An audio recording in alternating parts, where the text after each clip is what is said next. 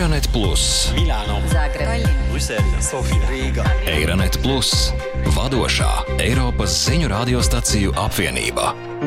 Saprast Eiropu labāk! Esiet sveicināti! Mēs tiekamies jau kārtējā Euronet Plus Green Deal jeb zaļā kursa podkāstu sērijā. Tajā kopā ar kolēģiem no Eiropas Savienības aplūkosim to, kā mēs, Eiropieši, varam ietekmēt tā dēvēto zaļo pāreju, ko Eiropas Savienība ir uzsākusi. Šodien runāsim par biodaudzveidību. Paradīze dažādos attēlos ierasti tiek attēlota kā vieta pilna ar putniem, savvaļas dzīvniekiem, tauriņiem. Visi dzīvo harmonijā, ko ieskauj skaista daba. Realitāte lielā daļā zemes virsmas gan ir tālu no šīs ainas. Pasaules dabas fonda ikgadējais tā sauktais dzīvās planētas ziņojums sniedz visaptverošu pārskatu par globālajām tendencēm bioloģiskās daudzveidības un planētas veselības jomā. 2020. gadā ziņojumā tika norādīts uz to, ka laikā no 1970. līdz 2016. gadam 21 tūkstotī savvaļas dzīvnieku populāciju visā pasaulē vērojams samazinājums par vidēji 68%. Lai gan Eiropā situācija bija nedaudz labāka - 24%, šis skaitlis diez vai ir iemesls priekam. Piero Genovesi, Itālijas vidas aizsardzības un pētniecības institūta ISPRA savvaļas dzīvnieku nodaļas koordinācijas vadītājs, kolēģiem no Radio 24 sniedz detalizētu informāciju par šīs bioloģiskās daudzveidības samazināšanās cēloņiem. Sono cinque i principali fattori che minacciano la biodiversità. Ir pieci galvenie faktori, kas apdraud bioloģisko daudzveidību, un tas attiecas gan uz visu pasauli, gan mūsu valsti. Pirmais ir klimata pārmaiņas, kas ietekmē ne tikai mūsu un mūsu labklājību un drošību, bet arī daudzas savvaļas populācijas. Piemēram, kalnu vide, kur daudzām sugām, kas pieradušas pie daudz vēsāka klimata, nākas kāpt augstāk un augstāk, un kādā brīdī jūs nokļūstat kalnu virsotnē. Piemēram, mūsu jūras, kur temperatūra ir paaugstinājusies par vairāk nekā diviem grādiem, un tas ir radikāli mainījis populācijas vidusjūrā. Papildus klimata pārmaiņām notiek arī dabisko biotopu iznīcināšana, kas ir galvenais bioloģiskās daudzveidības samazināšanās cēlonis visā pasaulē un arī mūsu valstī. Jāņem vērā arī lauksaimniecība, kurai, ja tā tiek veikta neilgtspējīgā vidē, ir liela ietekme uz dabu un bioloģisko daudzveidību. Ir arī resursu pārmērīga izmantošana. Piemēram, zvejas gadījumā, kas nav pareizi plānota, un piesārņojums, kura ietekme mūsdienās ir ļoti redzama, ja runājam par plastmasu. Un tad ir temats, ar kuru es nodarbojos visvairāk - invazīvās svežzemju sugas, kas ir pasaulē lielākais izzušanas cēlonis un ir īpaši bīstamas dažādās vidēs, piemēram, uz salām, kur lielākā daļa pēdējos gadsimtos notikušo izzušanu ir koncentrēta. Un šeit mēs atkal atgriežamies pie saldūdens vides trausluma, jo, piemēram, plēsīgo zivju, kā foreļu ieviešana ir novedusi pie tik daudz vietējo zivju sugu iznīcināšanas, kas bija attīstījušās mūsu vidē. Arī abinieki un tik daudzi citi organismi, pat bezmugurkaulnieki. Tātad šie pieci faktori ir tie, kur nepieciešama rīcība, lai mazinātu to ietekmi. Žants Īvs Pakē ir Beļģijas dabas aizsardzības un atjaunošanas nevalstiskās organizācijas Natagora pētniecības direktors.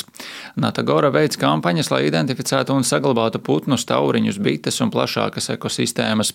Tas arī sniedz ieguldījumu Eiropas programmās, piemēram, Natura 2000, un piedāvā izglītojošas pastaigas un aktivitātes bērniem. Pakē paskaidro mūsu kolēģiem no RTBF, ka bioloģiskā daudzveidība būtībā ir sarežģīta savstarpēji saistītu attiecību ķēde un kā Donc déjà, il y a l'aspect pollinisation. Donc certaines cultures ont besoin d'être pollinisées. Pirmkārt, ir aputeksnēšanas aspekts. Dažas kultūras ir nepieciešams aputeksnēt, lai, piemēram, ražotu augļus. Taču arī globālās ekosistēmas, piemēram, mežs vai visas mums apkārt esošās dabiskās ekosistēmas, darbojas kopējā attiecību virknē. Attiecības starp dzīvniekiem un augiem, starp dzīvniekiem vai starp augiem. Šīs attiecības tiek vājināts, ja mēs samazinām vai nu sugu skaitu vai atsevišķu sugu populācijas lielumu. Tas padara mežu trauslāku, tas padara to trauslāku, kā mēs sakām, mazāk izturīgu. Tas ir mazāk izturīgs pret spiedienu, piemēram, sausumu, ekstremāliem laika apstākļiem vai laika apstākļiem, kas laika gaitā mainās. Conditions climatiques qui changent sur le long terme. Quoi. Vai mēs varam pievilināt savvaļas dzīvniekus atpakaļ uz teritorijām, kuras ir pārņēmuši cilvēki? Ja mēs spēsim atrast veidu, kā stiprināt bioloģisko daudzveidību, varbūt patiesi varēsim uzbūrt ēdenes dārza ainu uz zemes. Daba noteikti dara mūs laimīgus. Patiešām visā pasaulē netrūkst pētījumu, kas izceļ tās priekšrocības mūsu fiziskajai un garīgajai veselībai. Tiek norādīts, ka tas mazina trauksmi, palielina koncentrēšanos, radošumu, veicina mīļumu un labsajūtu. Un ja daba mums nāk par labu, pats par sevi saprotams, ka tā zināmā mērā nāk par labu arī ekonomikai. Tā saukto ekosistēmu pakalpojumu vērtība ir aptuveni 125 triljoni ASV dolāru, kas nav tālu no kopējā pasaules iekšzemes koprodukta. Aputeksnējošie dzīvnieki ir atbildīgi atbildīgi par trešdaļu no pārtikas ražošanas. Citi uztur mūsu augsni, Putni, sikspārņi un rāpuļi attur slimību pārnēsātājus, un augu resursi nepārtraukti piedāvā jaunas medicīniskās ārstēšanas iespējas. Paturot to prātā, pat visskrupulozākais finansists nevar neatzīt dabas vērtību. Bet cik tālu mēs patiešām esam gatavi iet, lai palīdzētu mātei dabai nostāties uz kājām? Dzīvnieku tiesību aktīviste, autore un trenere Mičija Šraibere stāsta kolēģiem no Vācijas radio AMS, ka mums ir jāpārskata veids, kā mēs dzīvojam dabā un ar dabu, tā vietā, lai vienkārši žēlotos par zaudējumiem, ko esam radījuši, kad jau ir par vēlu. In terms of nature and wildlife conservation, the most important thing, in my opinion, is to not only get involved. Dabas un savvaļas dabas aizsardzības ziņā svarīgākais, manuprāt, ir ne tikai iesaistīties, kad sugas ir apdraudētas vai kritiski apdraudētas, bet meklēt holistisku holistiskas pieejas stabilai ekosistēmai. Padomājiet par savvaļas dzīvnieku apsaimniekošanas metodēm, kas respektē citu sugu vajadzības, kā arī sekojiet līdz tiesībām, kurām jābūt dzīvniekiem, neatkarīgi no tā, vai vēlties to saukt par tiesībām vai nē. Taču tā vietā, lai rīkotos preventīvi, mēs bieži rīkojamies tikai pēdējā brīdī, un dzīvnieki, kuriem pēdējā brīža palīdzība šķietam nav vajadzīga, bieži tiek aizmirsti. 2020. gadā Eiropas Savienība nāca klajā ar bioloģiskās daudzveidības stratēģiju, kurā uzskaitītas konkrētas saistības un darbības, kas jāsasniedz līdz 2030. gadam, īstenojot vairākus dabas aizsardzības projektus, tostarp iepriekš minēto Natūra 2000. Taču tā vēlas iet tālāk, ņemot vērā, ka saskaņā ar Eiropas komisijas datiem 81% Eiropas biotopu ir bēdīgā stāvoklī, Briseles izpildvara ir apņēmusies atjaunot mitrājus, upes, mežus, zālājus, jūras ekosistēmas un sugas kuras tie atbalsta.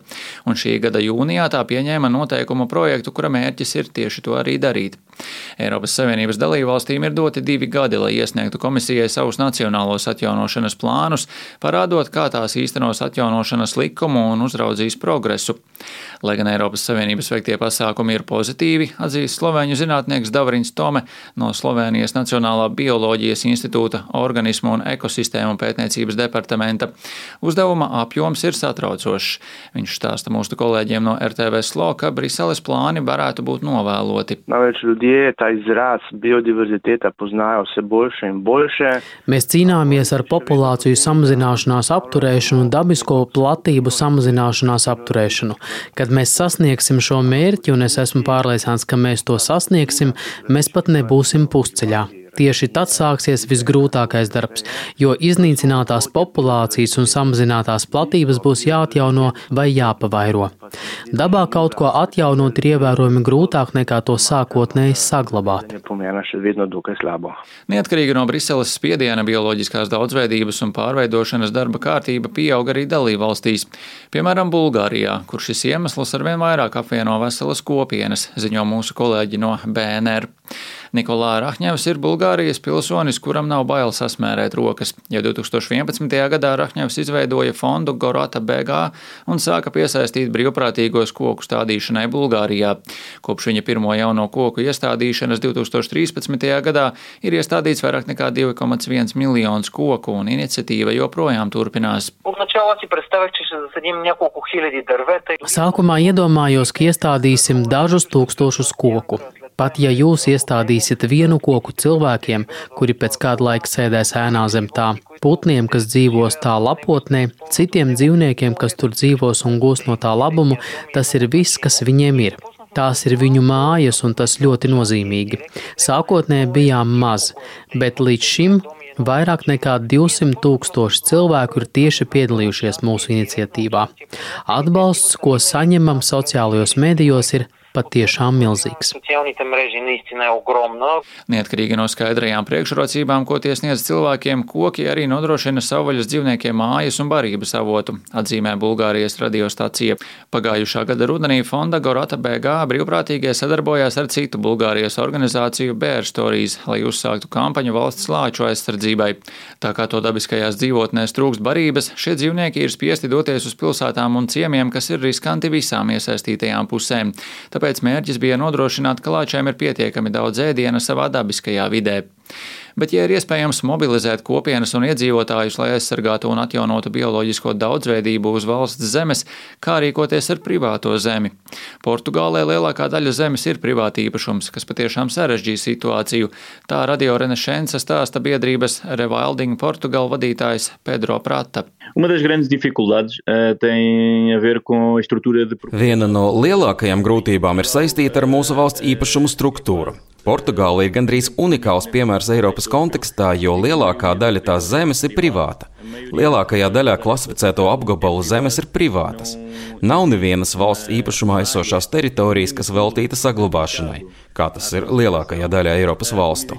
Līdz ar to jebkura iniciatīva, mēģinājums apsaimniekot, atjaunot vai saglabāt noteiktu teritoriju, biotopu, pat klasificētas teritorijas ietvaros, saskaras ar sarežģījumiem.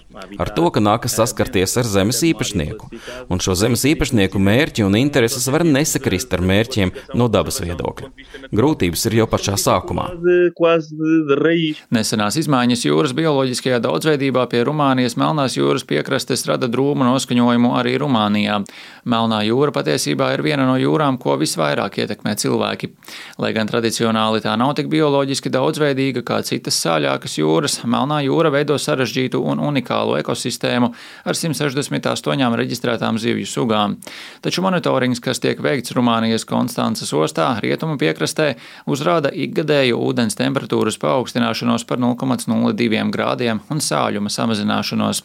Tajā pašā laikā ir krasi samazinājusies jūras bioloģiskā daudzveidība, bet ir arī daži pārsteidzoši jaunu, bieži vien invazīvu zivju sugu novērojumi.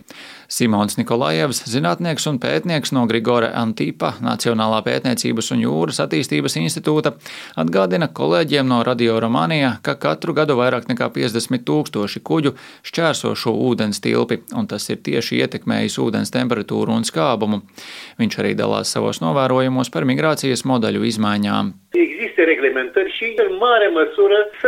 Rumānijā ir sastopamas divas migrējošās sugas - stavridas anšovi, kas pavasarī vairojas siltajos Melnās jūras ziemeļaustrumu ūdeņos. Stavridas nāk, kad akācija zied. Protams, viņi vairojas, aug bars, un tad augustā un septembrī pieaugušie īpatņi dodas uz Melnās jūras austrumu daļu, kur ziemā temperatūra ir daudz augstāka.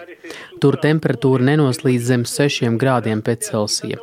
Es pievēršu uzmanību tam, ka mēs redzējām anšovus un stavridas ziemā, novembrī, kas vēl nekad nav noticis. Tas nenotika gluži viena gada laikā. Šo sugu uzvedībā ir novērojamas arī mutācijas, un ir skaidrs, ka tās būtiski ietekmē bioloģiskos ciklus. Svarīgs ir ne tikai sugu skaits, bet arī pareizā suga. Tas padara pārveidošanu grūtāk īstenojumu nekā dažas Eiropas Savienības amatpersonas varētu iedomāties. Viļņas zaļās politikas institūta direktora vietniece un Lietuvas zaļās partijas līdere Ieva Budraite mūsu kolēģiem no Žinīvu radijas saka, ka ir skeptiska par jaunā dabas atjaunošanas likuma spēju sasniegt Eiropas Savienības ambiciozo 2030. gada mērķi. Eiropas Savienība jau buvo užsibrėžusi tikslē prieš daugiau. Eiropas Savienība jau vairāk nekā pirms pāris gadu desmitiem bija izvirzījusi mērķi. Līdz 2020. gadam bija paredzēts samazināt bioloģiskās daudzveidības samazināšanās tempu, taču tas netika sasniegts. Tagad tiek izvirzīti vēl vērienīgāki mērķi, lai gan tie ir vērsti uz citām jomām. Tomēr, kas nodrošinās to ievērošanu, tas pagaidām ir neskaidrs. Ko mēs varam darīt šajā kontekstā? Manuprāt, fundamentāls pārmaiņas notiks tikai tad, kad sapratīsim savu patēriņa ietekmi un uzņemsimies lielāku atbildību par šo patēriņu.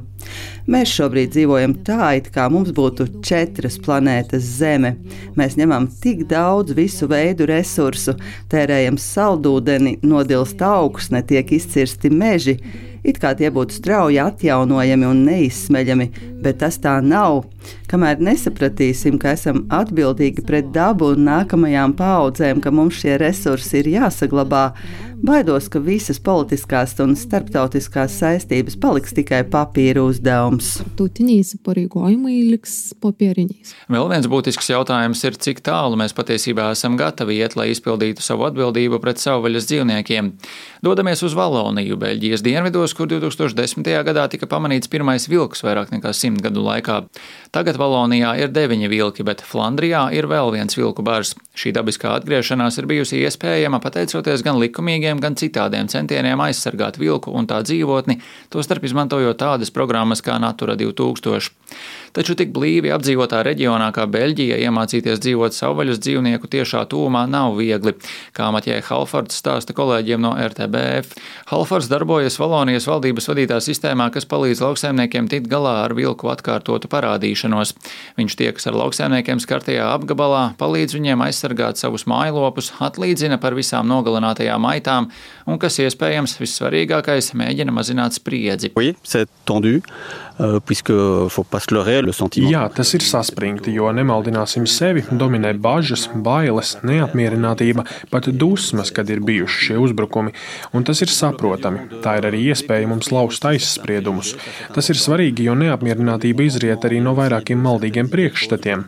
Cilvēki domā, ka vilku te atkal ieveda valdība, ka iestādes ir tieši atbildīgas par šo atkārtoto ieviešanu, lai gan tā bija dabiska atgriešanās.